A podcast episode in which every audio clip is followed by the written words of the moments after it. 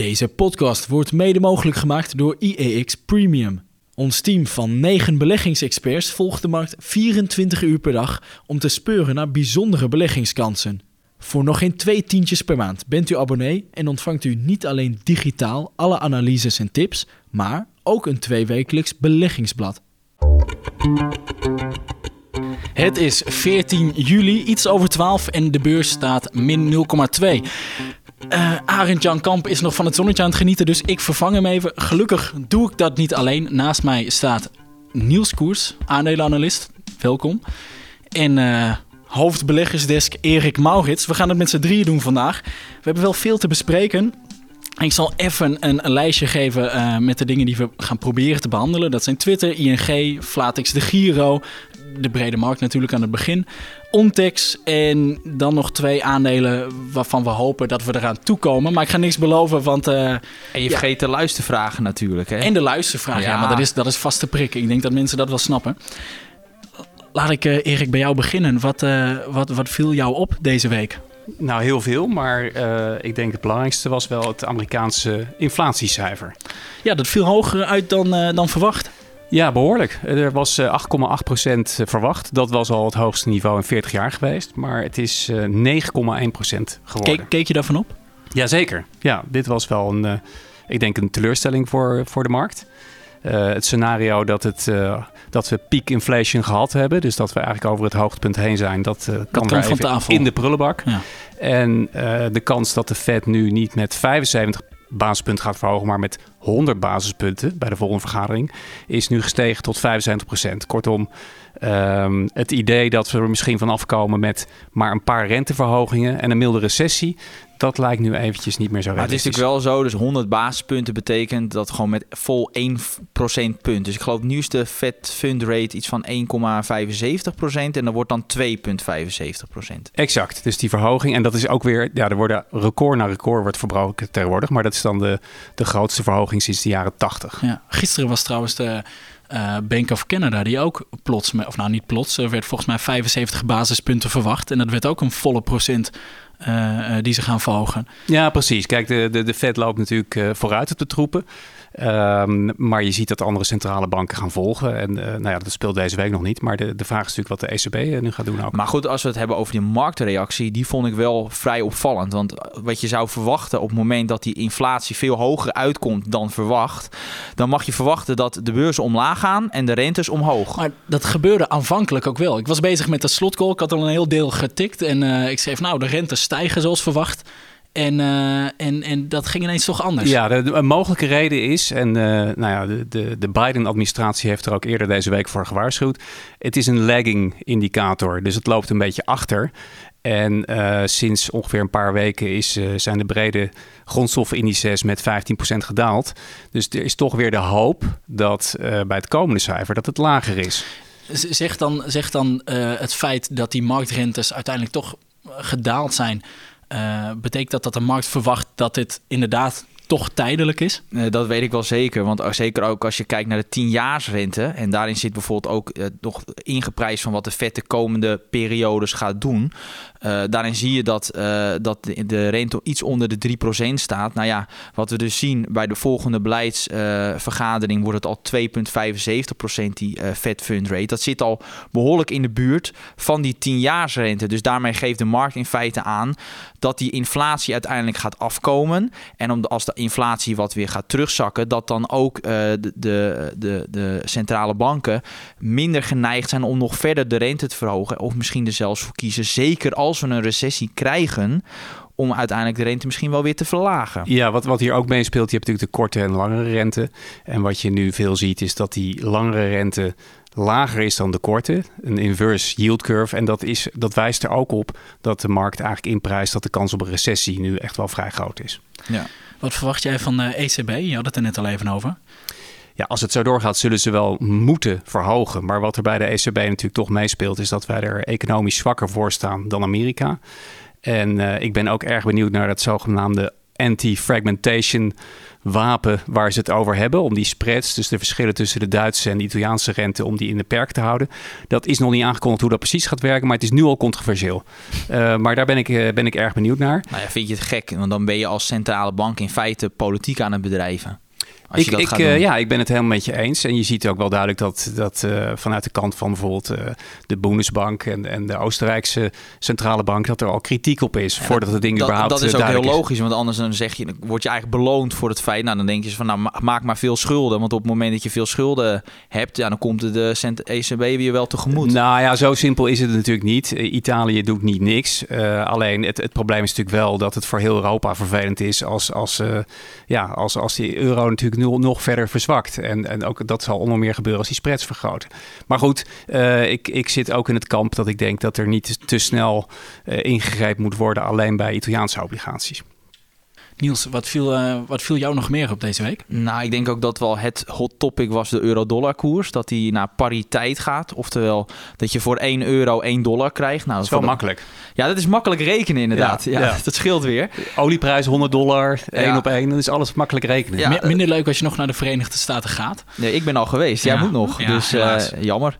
Maar ja, nee, maar dus, dus dat viel wel op. Uh, dat was heel eventjes was zelfs een dollar iets meer waard dan de euro, maar dat ging echt maar, om maar een paar hoe komt dit nou eigenlijk dan? Waar komt dit door? Nou ja, dat speelt dus wat dus meespeelt is dat, uh, dat het met name het verschil tussen de beleidsrente in de Verenigde Staten en in de eurozone, ja, dat is, dat is echt een gapend gat aan het worden. En helemaal als, als de Federal Reserve uh, bij de volgende beleidsvergadering 100 basispunten gaat verhogen, ja, is dat gat groot. Dat maakt het dus veel aantrekkelijker om bijvoorbeeld Amerikaanse staatsobligaties te kopen of en in Amerika te beleggen, ja, dan krijg je dus meer vraag naar dollars en juist minder vraag naar, naar, naar euro's. Ja, dus gaat die wisselkoers. Uh, dus wordt de euro dus minder waard. Dat is een logisch gevolg daarvan. En wat, wat daarnaast ook meespeelt, is dat de dollar natuurlijk een safe haven is. En uh, nou ja, daar hebben we wel behoefte aan nu met z'n allen. Andere safe havens hebben het even wat minder gedaan. Uh, dus vandaar dat mensen Bitcoin? ook... met Bitcoin om. Goud gaat ook niet zo lekker. Nee. Dus het is een beetje uh, een variant op Van Gaal's uitspraak. Ben ik nou zo zwak of ben jij nou zo sterk ja, in de virtueel? Dus, het... dus het is niet alleen de euro die zwak ligt. Dus de yen is dit jaar volgens mij ook met, met 19% gedaald. En de pond dus vooral zwak. de dollar die gewoon sterk vooral, is. Vooral, maar in Europa zijn we natuurlijk ook door de eerder genoemde redenen economisch zwak. En uh, ja, het speelt allebei. Dat eigenlijk. zie je ook vaak hè? in, in bear markets, dat, dat met name de, de dollar dan uh, het, het beter doet. En eigenlijk voor Europese beleggers is dat wel een voordeel, want je wordt eigenlijk een klein beetje beschermd als het gaat om de valuta, waardoor je... Uh, Hoezo word je beschermd dan? Nou, wat meespeelt, stel dat je Amerikaanse aandelen hebt...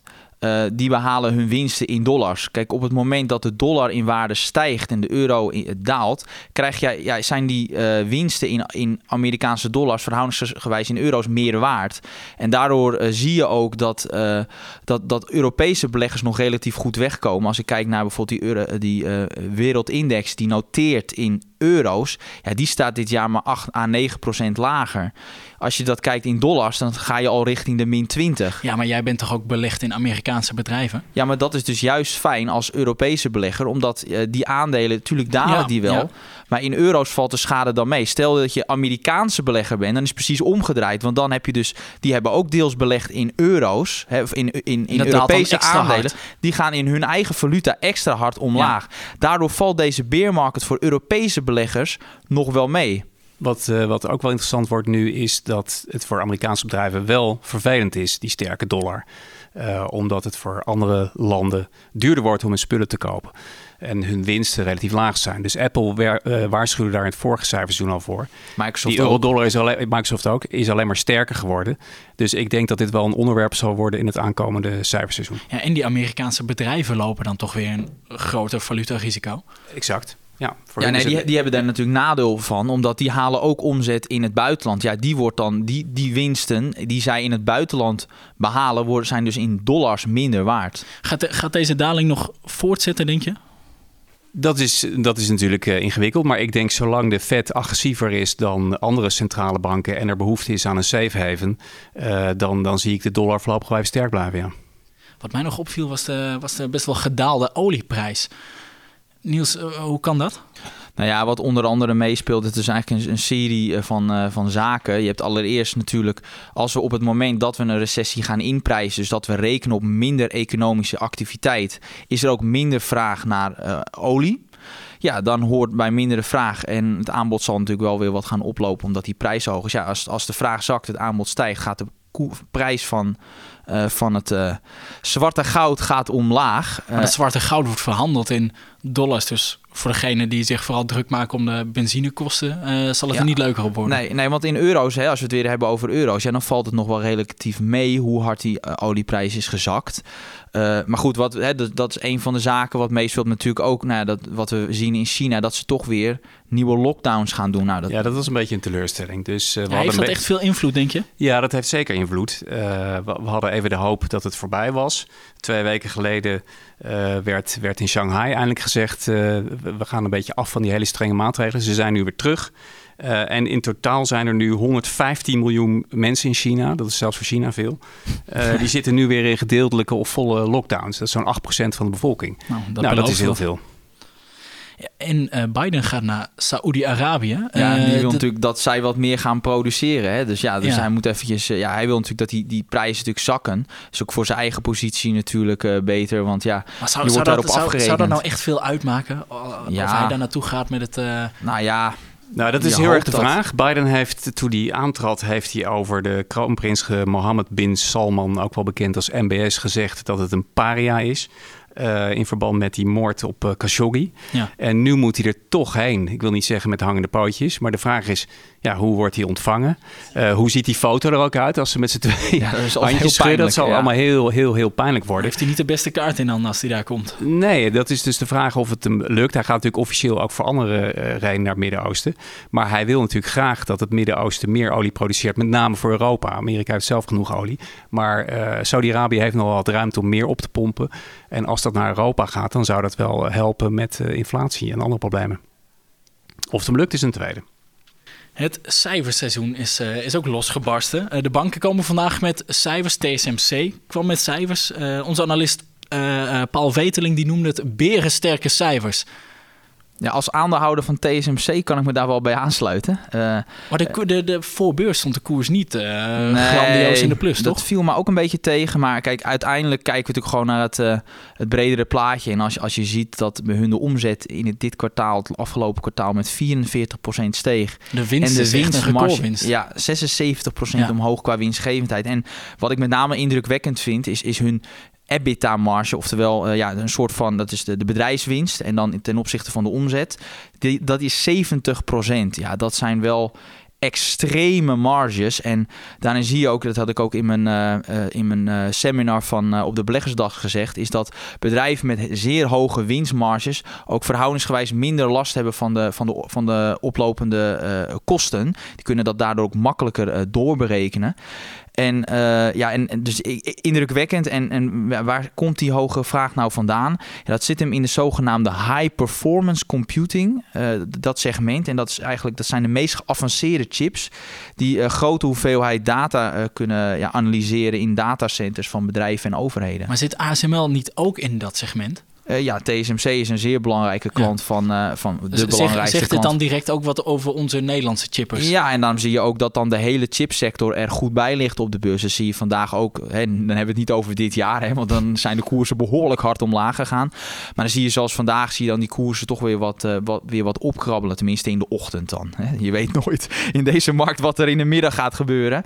Maar dan is het vrij logisch dat dan, dat, dat dan de sector het ook goed doet op de beurs. Dus ja, dit zijn gewoon bedrijven die, uh, ja, daar weet je gewoon van. Op, op lange termijn word je daar uh, ja, winnaar mee. Als je kijkt, ja, hoog, uh, nauwelijks schuld, hoge marges, veel groei. Ja. Juist, en een ja. lage waardering op dit moment. Omdat die recessie wordt ingeprijsd, hebben we natuurlijk die koers fors zien zakken. Ja, dat is natuurlijk, als belegger word ik daar juist wel heel vrolijk van. Want dan kan je juist daardoor ook lager instappen. Arend-Jan, die blijft ook telkens ASML bijkopen. Ja, dat klopt. Nou ja, dat is een van de, een van de redenen. Die vindt dat aantrekkelijke aandelen. Nou, ik, ik sluit me daar volledig bij aan. Wat verder nog opviel was uh, Elon Musk, die in één keer niet meer zo happig lijkt op Twitter. En Twitter die is het daar niet mee eens en daagt hem voor de rechter. Nou, komt ja, dat als een verrassing, uh, Koen? Uh, nee, nee, want Twitter is best wel hard afgekomen sindsdien.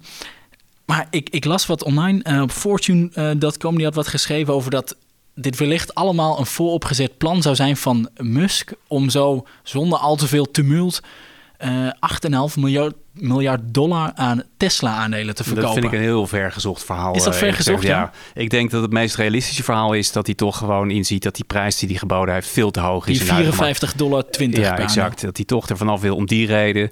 En misschien ook omdat hij denkt dat hij er uh, toch niks van kan maken. Wie weet is het een ingewikkelde strategie om die prijs te verlagen. Maar dat, dat Fortune-verhaal lijkt me tikkie onwaarschijnlijk. Ja, dat vind ik ook eigenlijk compleet hij, onzin. Zelf aan kan er niks anders van maken. Als redenering van hemzelf is dat die, die spambot, zeg maar, al die nep-accounts op Twitter, dat dat dat daar onduidelijkheid is over het aantal daarvan. Ja, maar als jij, als jij een bot doet op een sociaal media bedrijf, je weet, dat weet een leek zelfs, dat, dat daar eh, van die uh, nep-accounts op zitten. Hè? Dat, dat kun je een inschatting van maken. Voordat jij een bot gaat doen. Wat is dan gebruikelijk? Dan ga jij natuurlijk een soort van een, een due diligence doen. Dan wil je natuurlijk bepaald uh, informatie hebben van dat bedrijf over nou, dat soort zaken als het gaat om nep-accounts. Ja, je gaat niet hij... zomaar een bot doen en daarna zeg je, oh uh, ja, ik heb misschien, misschien iets te veel betaald. Ja, ik wil toch nog even wat meer weten over die, die fake accounts. Nou, sterker nog, het was een van de redenen dat hij het ging kopen. Omdat hij, hij wilde juist het aantal fake accounts en robots verminderen. Dus nou, hij wist maakt het nog dat het er was.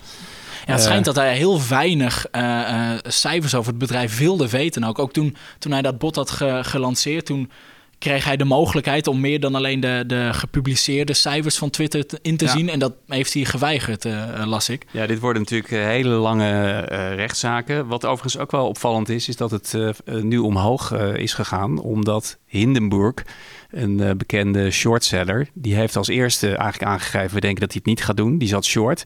Maar die hebben gisteren gezegd van, hey, we gaan nu long in Twitter. Want zij denken dat hij gedwongen wordt om uh, meer te gaan betalen. Ja, want dus dat is gedraaid. Dus daarom staat het aandeel 8% uh, eh, in dat, de plus. Dat, dat, is nu het ding. Twitter, daar, uh, die, die vinden nu alleen maar leuke klinken, die 54,20 dollar per aandeel, het Twitter-bestuur. En die daagt hem nu voor de rechter. Want die zeggen, nou, dat is geen geldige reden om deze deal af te kappen we gaan gewoon door. Ja, nou ja, ik snap dat wel, dat, uh, dat ze die 54-20 uh, willen hebben. Uh, kijk, in principe wat mij betreft zijn er vier scenario's uh, denkbaar. Eh, het eerste scenario is in feite dat dus dit overname gewoon niet doorgaat en dat hij dus geen break-up fee van 1 miljard moet betalen. Dat vind ik wel wat onwaarschijnlijk, want dan moet hij echt aantonen dat, dat er echt veel meer uh, fake accounts in omloop zijn en dat dat ook zichtbaar de bedrijfsresultaten raakt. Nou, ik heb me daar mijn twijfels bij. Uh, maar stel dat dat, dat is dus in zijn, voor, voor hem is dat het meest gunstige scenario. Voor beleggers het minst gunstige scenario. En dan kan die koers, als dat de uitkomst blijkt, kan echt wel minimaal met 25% zakken. Dan heb ik een beetje 26 dollar in gedachten. Aan de andere kant zou er ook kunnen zijn, en dat vind ik zelf het meest realistische scenario, maar ik ben wel benieuwd wat Erik daarvan vindt, is dat die overname niet doorgaat, maar dat hij dus gewoon die miljard moet betalen. dat is die break-up fee. Die break-up eh, break fee. Uh, ja, maar ook, ja, precies. Ja, nou, volgens mij, ja, ik bedoel, ik ben ook geen juridisch expert, maar uh, omdat dat de vraag is of hij een material reason heeft om die break-up nu. En ja, daar, daar gaat het om draaien. Maar van alle scenario's lijkt die 1 miljard, het, het kan een, ik weet niet of het het meest waarschijnlijk is in Ja, maar Twitter zal er toch ook een allerminst tevreden mee zijn met, met nee, 1 miljard break-up nee, fee. Nee, het, het, het, ligt het ook bij de rechter. Dus, uh, want ik denk, ja Kijk, eh, in het derde scenario, ja, misschien toch dat het dan uiteindelijk die oorspronkelijke 54-20. Maar je, je, je dat zegt dat zelf... het een wordt. Dat zou kunnen. Maar ik heb dus die vier scenario's. Maar kijk, ik weet dat natuurlijk ook niet met zekerheid. Want je moet daar juridisch goed voor zijn onderlegd. En zelfs juristen zullen het met elkaar oneens zijn. Ja, maar jij zegt zelf dat die uh, van nou, dat met die bos, dat weet je voortijd wel. Dat kun je ja. voortijd bedenken. Dan is toch het meest logische scenario dat als dit zijn reden is dat hij nee, maar hij zegt ook dat hij niet genoeg data heeft gekregen en dat Twitter niet heeft meegewerkt om hem de data te geven om uh, dit in te kunnen zien. Dus, en het moet ook nog maar dat een rechter zegt van je moet ook echt gaan betalen terwijl je het bedrijf niet, toch niet wil. Ik, ik, ik, eh, dit, dit soort zaken, ik geloof in het verleden komt haast niet voor dit. Zoiets als dit. En wat is de vierde optie?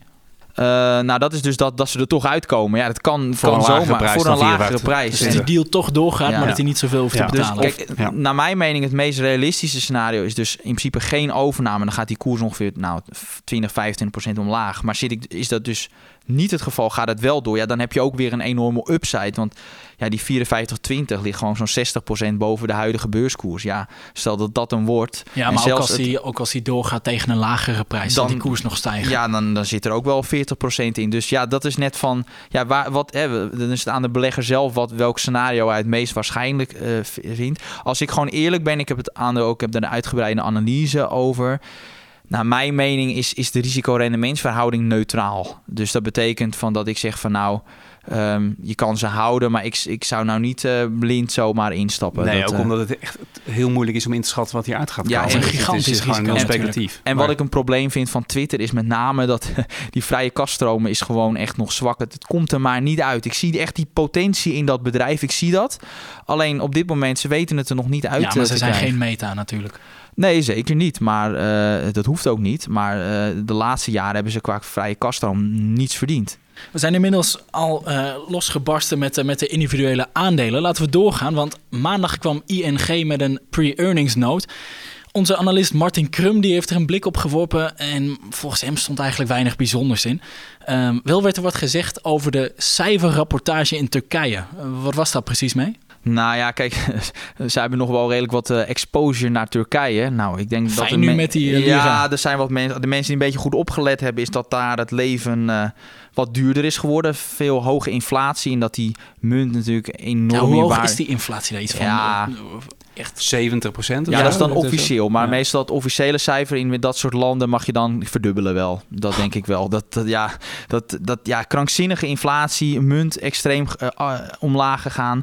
En ja, en als je dan, dan uh, bepaal, ja, als je bepaalde activiteiten hebt, ja, in euro's is dat dan veel minder waard. Dus je hoort, dan moet dan een afboeking gaan komen. Um, dus ja, hoeveel dat zijn weten we niet exact. Het enige voordeel is wel dat die afboeking valt buiten de bestendige winst. Dus wat betekent dat?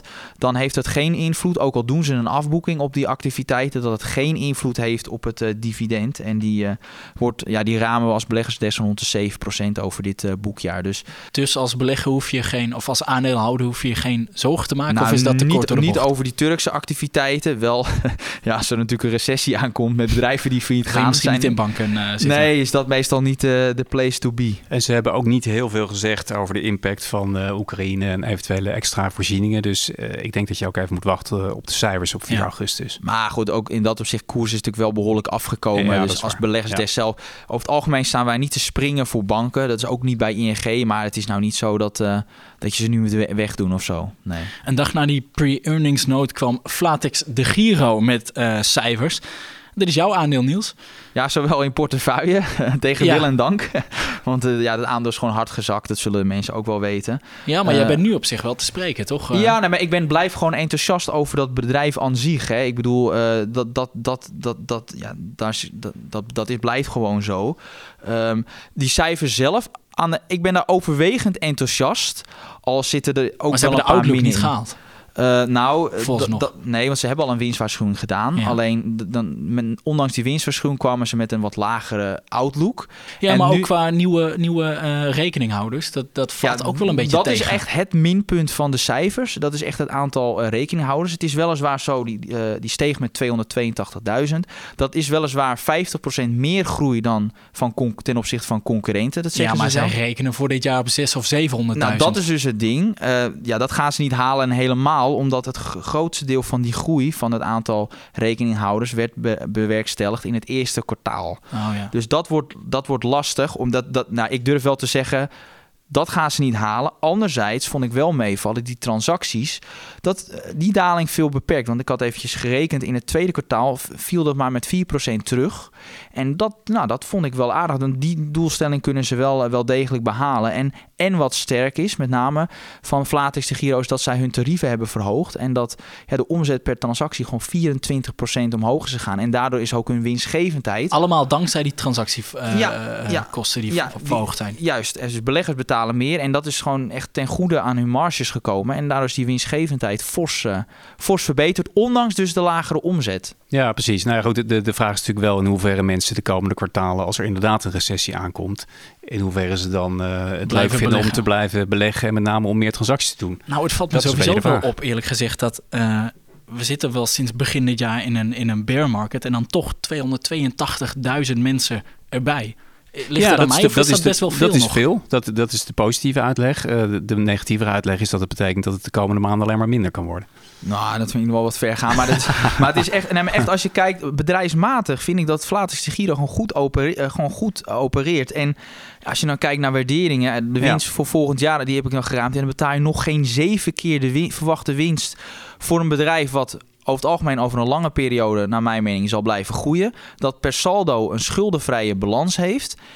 En eh, een, een, behoorlijk positieve vrije kaststroom. Dus ja, over het algemeen, bij dit soort waarderingen, ja, ik zie hier Jij bent bijzonder positief. veel upside. En als je rekeninghouder bent, dan uh, je koopt het aandeel, dan heb je ook, uh, dan hedge je jezelf een beetje tegen die hoge transactiekosten. Ja, Of- die dat, is, dat is een van de redenen waarom ik het gekocht heb. Nee, Je hebt ook, je hebt ook als, je, als je rekeninghouder bent, hoef je volgens mij ook geen transactiekosten te betalen om Flatex te kopen. Ja, klopt. Dat, uh, dus als, jij, als je aandelen de Flatex de Giro wil, als je die koopt, dan heb je dus geen transactiekosten. Wat eigenlijk ook wel logisch is. Dat Ja. uh, zo'n bedrijf wil ook aanmoedigen dat je die aandelen koopt. Maar echt fundamenteel is, is dit een van de bedrijven waar ik nu uh, het meest enthousiast over ben.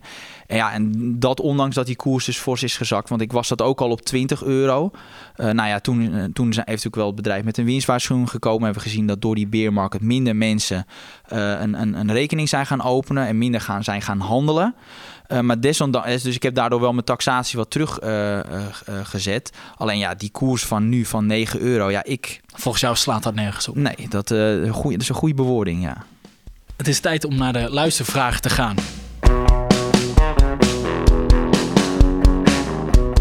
We beginnen met Sir Strandman, als ik het goed uitspreek. En hij vraagt: Dag heren, uh, wat is het effect van een renteverhoging door de ECB op Europese aandelen? Welke bedrijven profiteren van een rentestijging? Naast de usual suspects, uh, banken en verzekeraars. En wat zijn de effecten voor dividendaandelen? Nou, gewoon drie vragen in één. Ja, dat dit, is slim. Dat is wel slim, ja. Ja, dat is, het is een vraag, met name het effect van, van hoge rentes op aandelen. Dat zijn vragen die wij eh, veel vaker krijgen. En ik denk daar, ondanks dat we het wel af en toe wel eens behandeld hebben, vind ik het wel interessant om dat nog eens een keer te doen. Kijk, op het moment dat de centrale bank de rente verhoogt, structureel, zul je dat ook zien dat uh, een rentestijging dat het leidt tot een hogere rente op de kapitaalmarkt. Oftewel een hogere, bijvoorbeeld een hogere 10-jaarsrente. Nou, de 10-jaarsrente, dat zie ik uh, bij de uh, berekening als je koersdoelen bereikt, is voor mij een soort van de basis. Dus op het moment dat de rentes stijgen, um, zijn aandelen minder aantrekkelijk geworden uh, in verhouding tot obligaties. Nou, op het moment dat dat het geval is, zeg je van nou, dat is dus minder aantrekkelijk. Obligaties zijn meer aantrekkelijk geworden. Dan eis ik een hoger rendement ja. op aandelen. Nou, als jij een hoger rendement op aandelen eist. Gaat die koers naar beneden? Nou ja, dan wil je dus minder betalen inderdaad voor een aandeel. Nou, en dat is dus ook wat je ziet. Dat daardoor ook de waarderingen van aandelen. Want het zijn dit jaar niet eens zozeer de winsten die, uh, uh, winstverwachting die is gedaald. Die blijven nog zijn, best goed liggen. Ja. Die blijven goed liggen. Dus we zien dat vooral de waardering om, omlaag gaat. En dat is dan ook vrij, vrij, uh, vrij logisch. En uh, dat is ook een van de redenen waarom we bij veel bedrijven, ondanks dat de winstgevendheid nog gewoon sterk is, dat we toch de koersdoelen neerwaarts hebben bijgesteld. Dat is dus het gevolg van de, van de gestegen rente. Dat is, de, ja, dat, dat is gewoon een uh, ja, direct verband. Ja, wat hier ook nog een beetje eh, meespeelt is natuurlijk in hoeverre je denkt dat als de ECB de rente echt gaat verhogen, uh, de, de ECB eigenlijk ervoor zorgt dat Europa in een recessie komt. En als er hierdoor een, een zware recessie in combinatie met inflatie, oftewel stagflatie komt, dan is dat niet goed voor bedrijven. En eigenlijk voor niemand. Nee, dus, dus dat is eigenlijk dubbel op, krijg je hem tegen. Ja, ja en om dan zijn uh, andere vraag te beantwoorden. Welke bedrijven profiteren hier dan van? Nou, hij noemde al de usual suspects, de verzekeraars en de, de financials, de banken. Ja, en dat zijn over het algemeen ook wel echt, ja, dat zijn ook simpelweg de bedrijven die daar het meest van profiteren. Misschien ook, als je echt een echt ander bedrijf wil, misschien een Galapagos. Die hebben beschikken Galapagos. over een, ja, die beschikken over een, een, een enorme cashberg. Nou, die moeten, hè, dat houden ze deels ook in euro's aan. Nou, dan moeten ze nu een negatieve rente over betalen. Dus als die rente dan stijgt, ontvangen ze nog een klein beetje ja, rente. Dan hebben dus, ze er nog wat aan. Ja, dus dat zo, maar over het algemeen wil je dit als bedrijf niet. Want één, het wordt duurder om groei te financieren.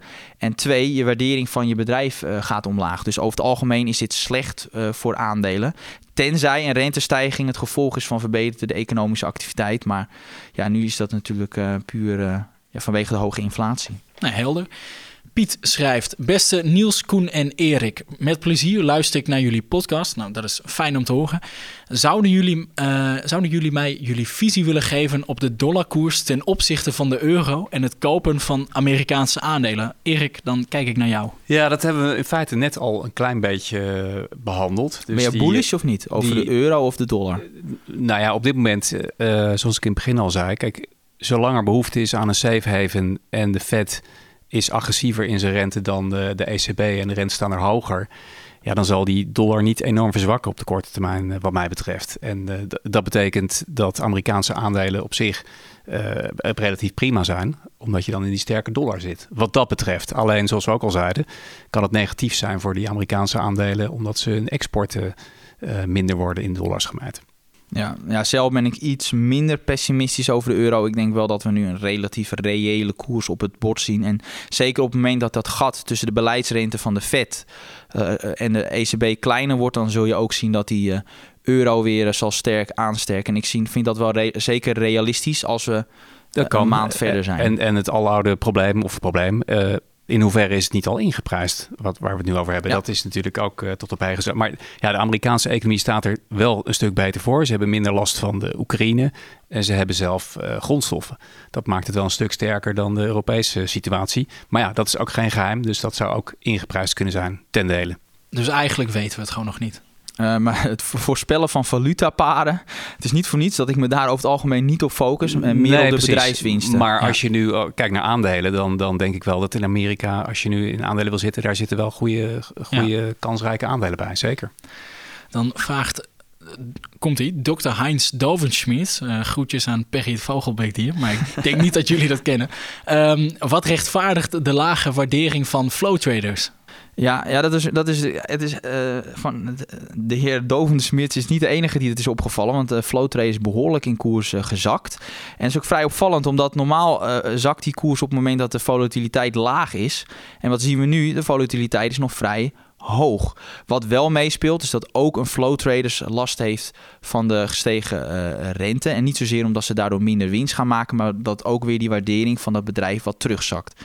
Maar ook als we dat meenemen, uh, vind ik wel dat dit bedrijf zwaar is ondergewaardeerd. En daar heb ik een aantal redenen voor. Kijk, als je tot een, een bepaalde bedrijfswaardering wil komen, moet je bij flow traders altijd de goede jaren meenemen en de slechte jaren. Dus je kan niet kijken, al oh, wat is de winst van dit jaar en dan plak ik een multiple op. Want het ene jaar is simpelweg beter dan het ander, omdat er ja, dus verschillen het ene jaar is volatiel en het andere jaar niet. Dus wat ik altijd als een simpel rekensommetje in een echt heel goed jaar kunnen ze ongeveer 8 euro per aandeel verdienen. Nou, er staan meestal ook twee slechte jaren tegenover, dat ze misschien maar een eurotje verdienen. En een paar normale jaren dat ze tussen de 2,5 en 3 zitten. Wat is dan een slecht jaar? Zoiets als 2016, toen, uh, ja, toen die volatiliteit heel laag lag. Toen verdienden ze misschien een eurotje, dus toen verdienden ze niet zoveel. Die jaren gaan ook komen. Nou, dan moet je een beetje een gemiddelde nemen over goede en slechte jaren. En dan kom ik ongeveer uit op 3 euro. Nou, bij flow traders is het ongeveer wel realistisch om 10 keer de winst te betalen. Hè. Je eist ongeveer 10% rendement. Nou, dan zit je ongeveer op een koers van 30 euro. Nou, het voordeel bij een, een flow trader is dat ze ook nog eens een keer beschikken over een, extra cash dat ze nog kunnen uitkeren eh, aan de aandeelhouders. Dus ja, eh, dan zit ik zelf op, nee, zelf, maar ook onze analist zit ongeveer rond de 33 euro. Ja, wat staat er nu? 24. Ja, dat is zo'n groot gat dat zelfs ik vlak voor mijn vakantie heb besloten om, uh, om die aandelen te kopen. Uh, simpelweg omdat daar een, uh, ja, zo'n uh, groot verschil in zit tussen de fair value en de huidige beurskoers. En het is gewoon wachten totdat, het, totdat die koers op het, op het bord gaat staan. Helder. Dan hebben we Cato de. Die naam heb ik vaker voorbij zien komen. Um, waarom keren sommige bedrijven hun dividenden uit in dollars? Bijvoorbeeld Shell. Ja, waarschijnlijk uh, heeft dat ermee te maken dat zij hun inkomsten zijn ook in dollars. Namelijk olie is in dollars genoteerd. Dus ik, ik denk dat de reden is. Volgens mij heeft Shell het een aantal jaar geleden uh, beleggers de mogelijkheid te geven om te kiezen. Dus uh, of ze het in dollars willen hebben of euro's of ponden. maar dat is het eerste wat mij opkomt. Ja, daar sluit ik me ook wel bij aan. Kijk, als, als jij veel, grotendeels je inkomsten in dollars zijn, op het moment dat dan die dollar bijvoorbeeld fors fluctueert. Kijk, als jij dan in een andere valuta je dividend gaat uitkeren, kan bijvoorbeeld een valuta uh, stijging of daling kan ertoe leiden dat je dus uh, iets aan je dividend moet doen. Dat willen die bedrijven niet, want die willen liever stabiel verhogen. Ja, dan kan je dat het beste doen in de valuta waar je ook je omzet mee uh, behaalt. Nee, logisch. Luc Ruis vraagt: Hoi Niels en Erik. Ik vraag me af of er uh, mogelijkheden zijn om de huizenmarkt te shorten. Die heb ik niet eerder gehoord. Nee, dat is, uh, dat is niet zo makkelijk. Uh, als, als Luc de gelukkig is met meerdere huizen, kan je natuurlijk nu je huis proberen te verkopen en dan op een lage prijs terugkopen. Later terugkopen ja. Maar ik neem aan dat het niet het geval is. In Europa is het moeilijk. Je hebt in Amerika wel de S&P Case Shiller Home Index. Uh, en daar, daar zijn ook uh, futures en dergelijke op. Maar dat is natuurlijk niet de, de Europese huizenmarkt. Dus eigenlijk is daar niet een goede mogelijkheid toe.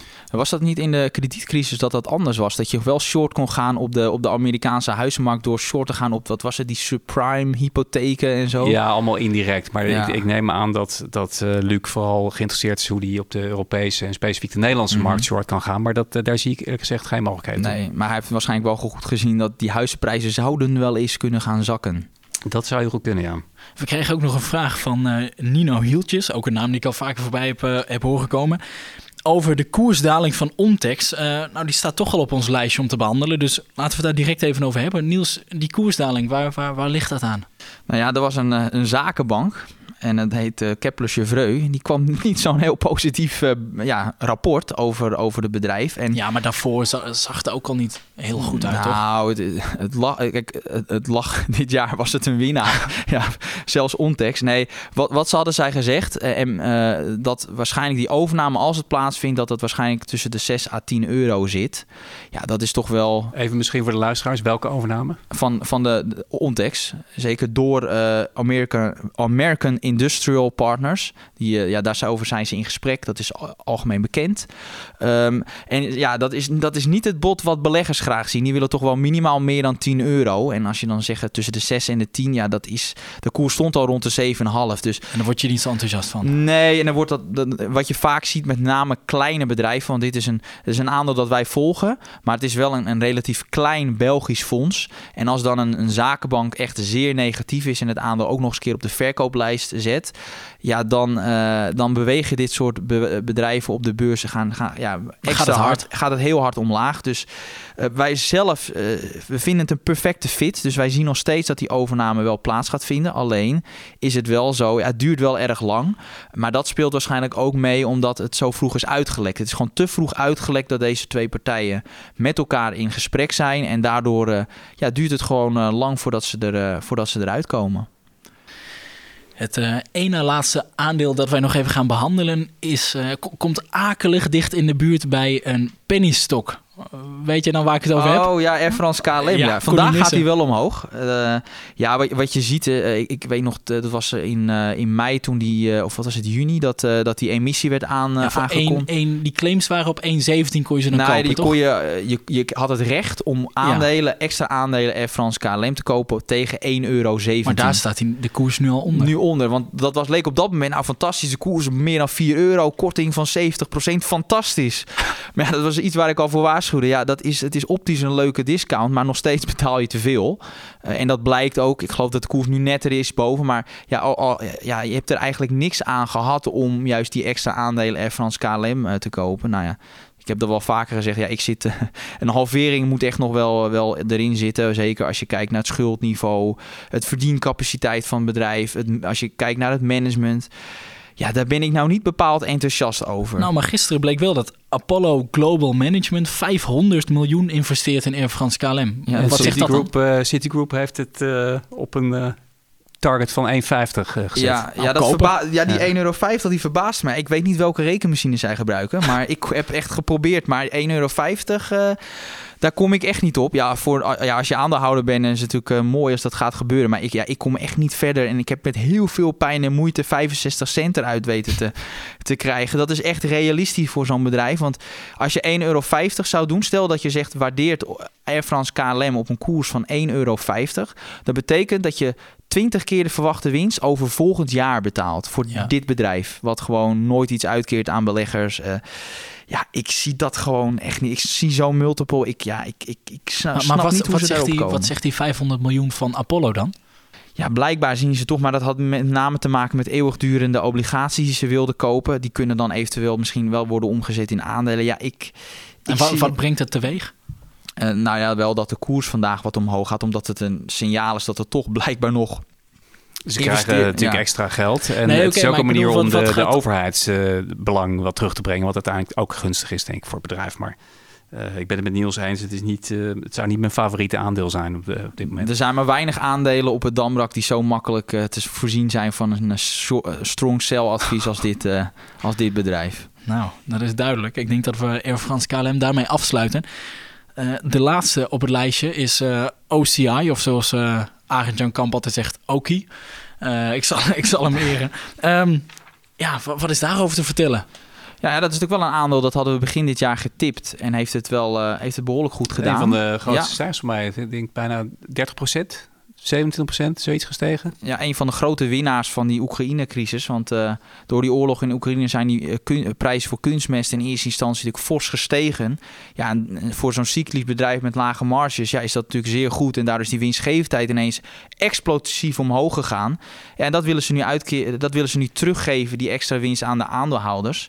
Ze hadden het over een kapitaal eh, ja, teruggave van eh 3,55 euro. Ja, dat is gewoon 12% van het eh, totaal uitstaande aandelenkapitaal. Dus dat is echt fors. Ja, maar voordat iedereen hier nu heel enthousiast inspringt, het is moet wel rekening houden met dat dit echt heel cyclisch is. Ja, dat, eh, er hoeft maar iets te gebeuren en er zijn weer rode cijfers. Dat is een beetje het lastige van OCI. En dat maakt ook dat ik bijvoorbeeld met dit soort bedrijven altijd wat voorzichtiger ben. Ik hou niet zo van dat cyclische bedrijven. Ik weet ook over het algemeen cyclische bedrijven over een lange periode. Beetje onvoorspelbaar. Valt- ja, valt ook vaak tegen. Dus, dus ik, ik ben meer van echt de, de, de stabiele cash, eh, cash cows. Maar ja, OCI, daar kun je hele mooie ritjes mee maken. En ja, met alle respect voor onze analist eh, Peter Schutte. Hij had dat toch wel goed gezien eh, begin dit jaar. Dat dat aandeel ondergewaardeerd was. Ja, en dan, goed eh, gedaan. Ja, Deze week kwamen er wat cijfers, maar eigenlijk volgende week eh, barst het cijferseizoen pas echt los. En die week daarna dan... eh, eh, komt er nog een schepje bovenop. Erik, waar kijk jij het eh, meest naar uit volgende week? Ja, nou, het begint eigenlijk eh, vanavond al met de Amerikaanse banken. Eh, JP Morgan onder andere gaan hun eh, cijfers publiceren. En eh, die cijfers zijn denk ik wat minder interessant. Maar waar ik erg benieuwd naar ben, is zijn eh, de verwachtingen. Ten Ja. aanzien van eh, recessies, eh, mogelijke voorzieningen in verband met mogelijke recessies, eh, Oekraïne, noem maar op. Dus vooral hun verwachtingen ben ik erg benieuwd naar. Ja, Zal dat geeft natuurlijk een indicatie op het moment dat zij hele grote voorzieningen doen. Geeft het in feite, dat geeft natuurlijk een signaal dat banken denken: oh, er staat wat te wachten. Het staat ons wat te wachten. Ja, en dan staat ons morgen wat op de beurs te wachten, denk ik. Ja, precies. Dus Jamie Dimon, die topman van eh, JP Morgan, die eh, had al gezegd: eh, Nou, er komt niet gewoon een storm aan, er komt een orkaan aan. Eh, dat had hij eh, een, een maand geleden gezegd. Nou ja, dat, dat soort uitlatingen zijn natuurlijk niet positief voor de beurs. Nee. Maar eh, we gaan het zien. Niels, waar kijk jij naar uit? Ja, ik ben wel, eh, wel geïnteresseerd in eh, wat de chippers gaan doen. We hebben natuurlijk gezien TSMC vandaag goede cijfers. Ik ben benieuwd of eh, ASML en BC eh, en ASMI of ze dat of ze zullen volgen. Helder, we zijn netjes binnen de tijd gebleven. Volgende week vrijdag zijn we terug. Dit keer was het eenmalig op een, eh, op een donderdag eh, ja, om, om logistieke redenen. Volgende week weer met Arend-Jan Kamp. Eh, Niels Koers is er natuurlijk weer bij. En ik zou zeggen, succes op de beurs. Niet alleen volgende week, maar ook morgen nog even. En goed weekend alvast. Nog even een reminder. Wilt u de analyses en kooptips van Niels Koerts en de acht andere beleggingsexperts ontvangen? Dat kan. Voor nog geen twee tientjes per maand bent u abonnee en blijft u digitaal constant op de hoogte van de nieuwste analyses en tips. Daarnaast valt er elke twee weken een gloednieuwe editie van het IEX magazine op uw deurmat. Meer weten? Ga naar iex.nl/podcast.